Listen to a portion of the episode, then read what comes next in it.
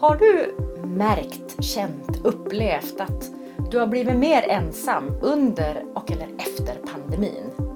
I sådana fall är du inte ensam. Idag ska vi prata om ensamhet. Mm. För det gör jättestor skillnad på din vikt. Ja. Och därav att just vi pratar om det i våran podd. Eh, Camilla heter jag, en av grundarna till Viktdoktorn och med mig har jag Rebecka, våran psykolog, specialiserad på ätstörningar och har jobbat många år på ätstörningsklinik. Ja. Så idag ska vi prata ensamhet. Mm. men det känns eh, som att det är ett återkommande tema som eh, eh, men jag har hört genom mina behandlingar men att vi också hör i, i mötet med eh, människor med övervikt. Eh, att eh, livet är på vänt. Det, det, det är lite mer eh, begränsat. Ehm, man kanske begränsar sig själv. Mm, man är rädd för vad andra ska tycka, tänka. Kroppen sätter begränsningar. Kanske tackar nej till den där skidresan. Mm, familjeäventyret. Uh, ja. Det blir... Men vi satte in coachning bara igår. Ja. Där eh, flera av deltagarna säger, nej men jag, eh, jag äter när jag är ensam. Mm. Och eftersom jag är mer ensam nu än tidigare så äter jag mer. Mm. För att jag är ledsen, alltså det här emotionellt ätande. Det finns ju bara tre sorters hunger. Mm. Eh, och den ena eh, är emotionellt ätande. Den ena är hunger-hunger och den tredje den kan du lyssna på i en annan podd. Mm.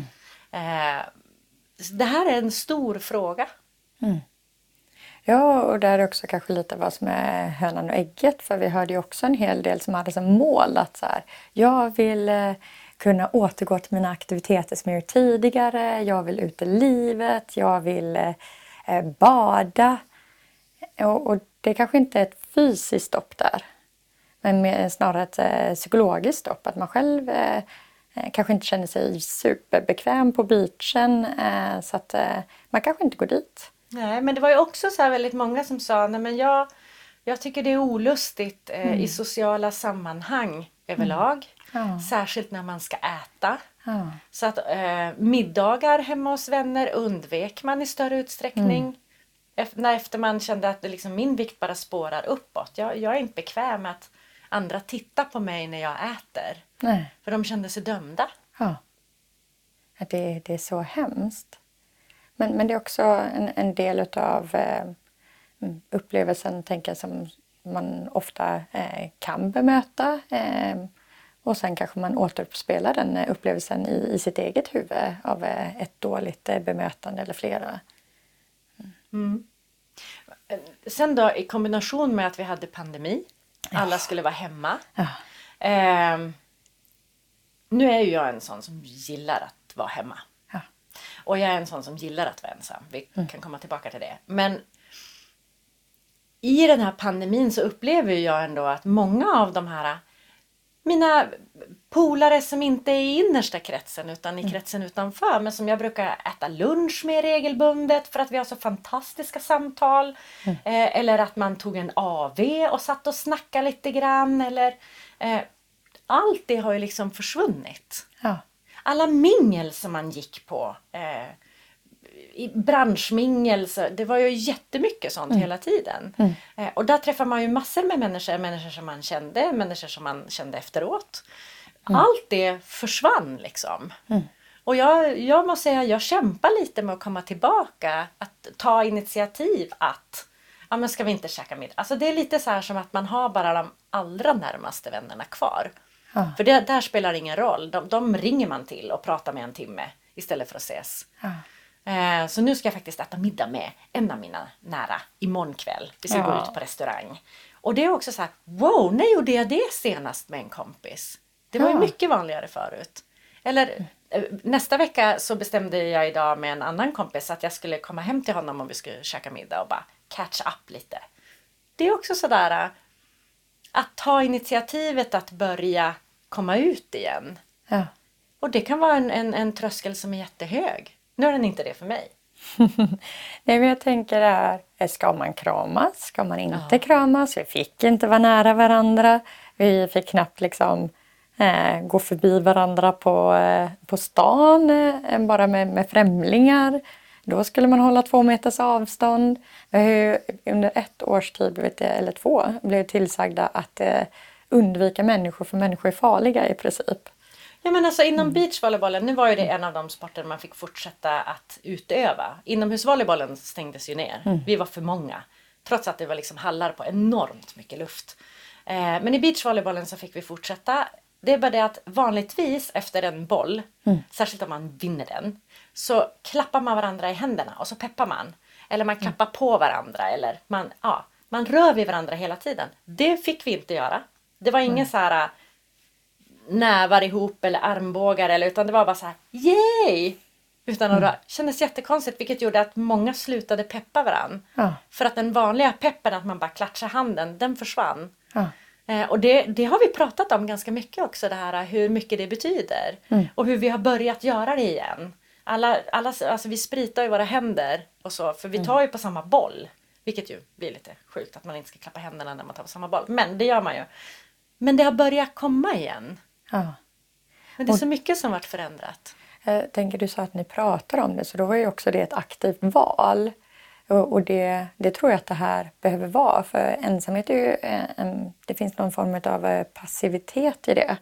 Eh, och för att kunna ta sig ur det så behöver man också vara lite aktiv i hur man gör det.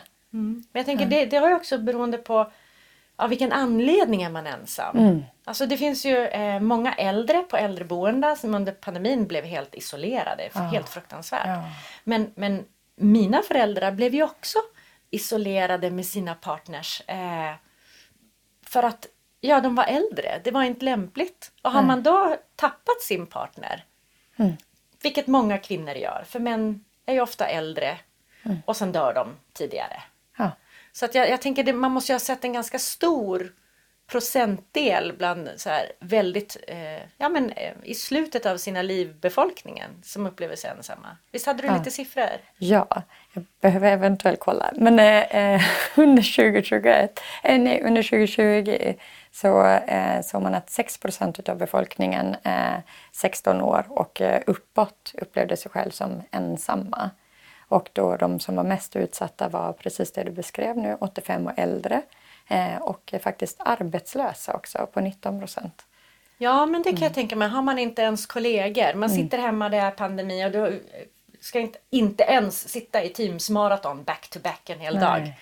Eh, då känner man sig nog väldigt ensam. Ja, verkligen. Och där var det också så tragiskt för att det var en, en högre procent, nu hade jag inte den siffran i huvudet, om det var upp mot 14, 18, någonting. I alla fall som sa att de inte hade en nära vän. Det var 14 procent. 14, tack. Det var, det var fler män än kvinnor. Ja, det var där. Det var 18 procent män och 10 procent eh, kvinnor. Mm. Eh, och det är också, jag tänker att eh, ja, men jag som jobbar som psykolog, där får man ju hjälpa folk hålla sitt eh, psykiska lidande. Men i eh, vardagen så, så, så här, smådumpar vi vårt psykiska lidande på våra nära och kära. Eh, med, med, den varmaste eh, alltså, Kärleksfullt. Ja. Man, man måste bara ja. få prata om det. Ja. Mm. Um, så, och, det, det, är en sund faktor att vi, vi har varandra, vi kan luta oss på varandra, vi kan stötta varandra. Eh, men det hade inte alla. Och det, det, det är så tragiskt. Som, som tur är verkar ju i alla fall den trenden med nära vän eh, var eh, på väg att bättras lite. För 2021 tror jag det var 5 procent. Mm. Men jag mm. tänker också att det är för då, då behöver vi inte vara isolerade i pandemin längre. Nej. Men det är ändå spännande att det är så stor skillnad mellan kvinnor och män. Jag tänker att vi kvinnor är ju mer socialt omvårdande mm. än vad män är generellt. Mm. Jag, jag, gör skillnad mellan kön här. Blir du jätteprovocerad, mejla mig så kan vi prata om det. Eh, men det är ju uppenbarligen skillnad. Mm. Eftersom 18 procent av männen, 10 procent av kvinnorna kände sig ensamma. Inte hade en nära vän? Inte hade en nära vän. Ah. Mm. Mm. Den kanske vi är definitionsfråga på nära vän men eh, det, oavsett så eh, jag tänker att eh, ensamhet och isol, eh, isolering, eh, vare sig den är självvald eller eh, som eh, under pandemin då att vi var tvungna att eh, göra det för så här, the greater good, så påverkar det oss som befolkning och individer. Mm. Oh ja, ah. ursäkta. det, det satt långt inne. Eller jag menar, det var på väg under en längre tid. Ja, okej, okay, men om vi då tar det här med ensamhet och vikt. Ja. Eh, om, man, eh, om ni bara går in på 1177 och kollar på ensamhet så står det en hel drös både eh, psykiska och fysiska eh, riskfaktorer med det, eller att det kan leda till eh, eh sjukdomar, både psykiska och fysiska. Eh, och där Eh, ja, men nedstämdhet, ångest, eh, hjärt och kärlsjukdomar, demens, stroke ehm, och också Eh, just diagnosen hetsätningsstörning, om man kollar på den, när man äter en orimligt stor mängd mat under en kort period eh, och skäms över detta.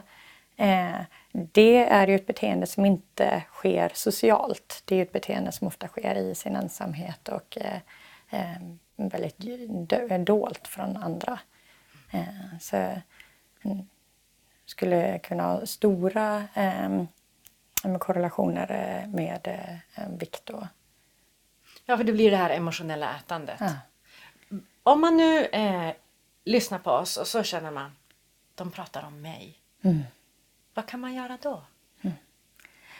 Eh, jag tänker att det beror på lite vad din ensamhet är.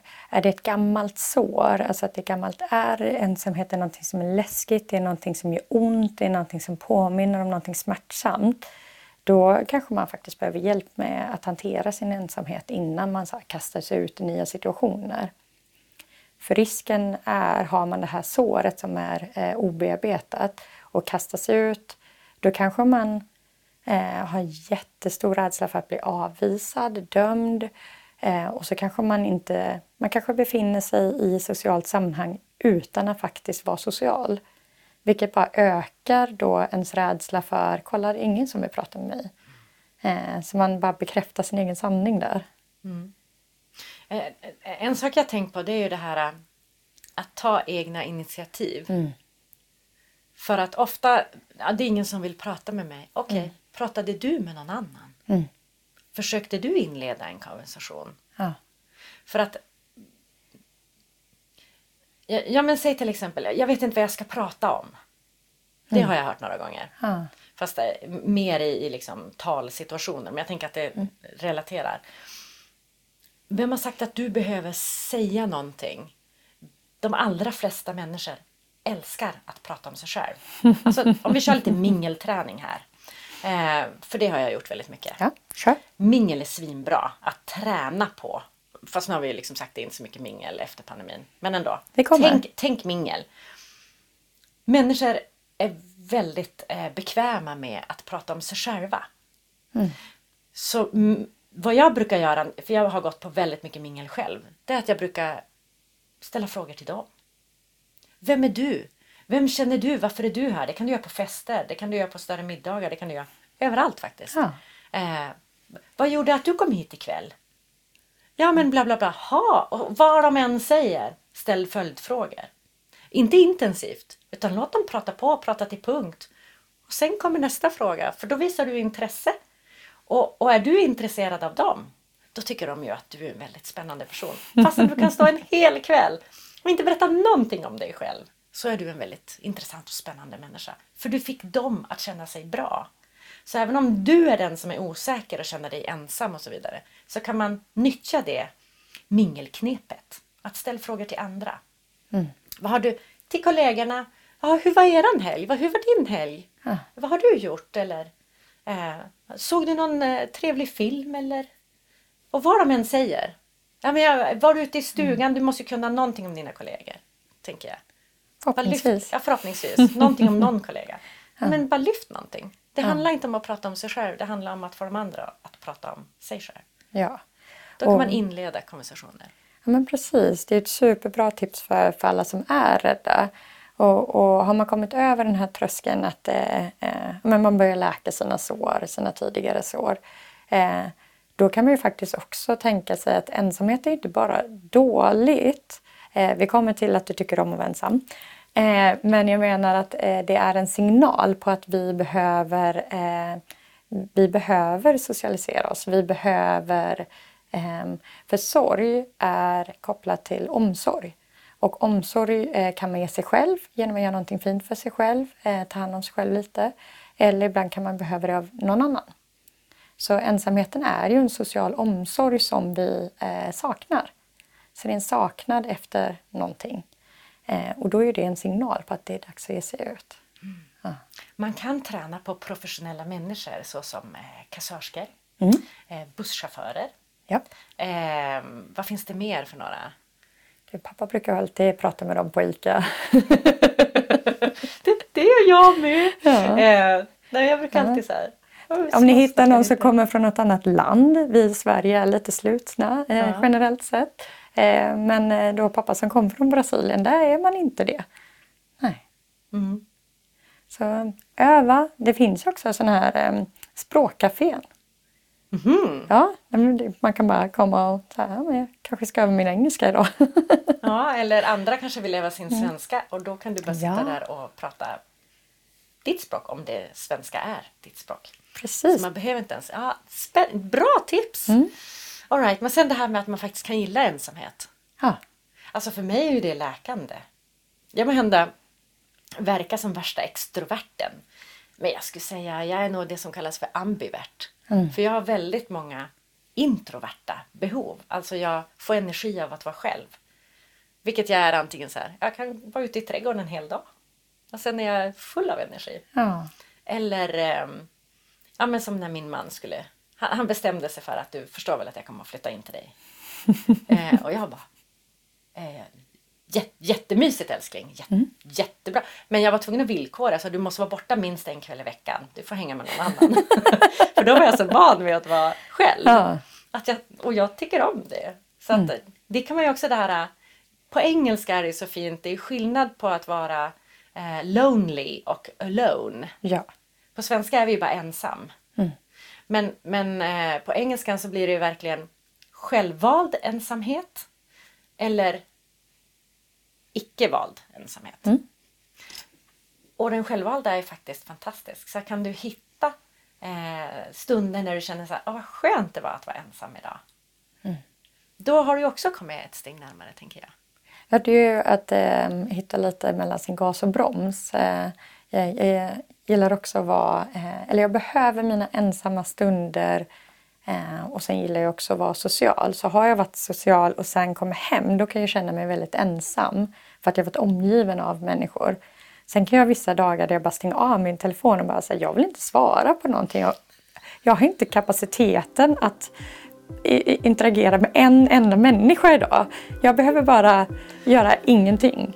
Det är då jag går ut i trädgården. Ja. För det är ingen annan i min familj som vill vara ute och gräva och rensa ogräs och klippa grenar och så här. De bara, mm. ah, nej men hon är ute i trädgården och så mm. lämnar jag telefonen inne.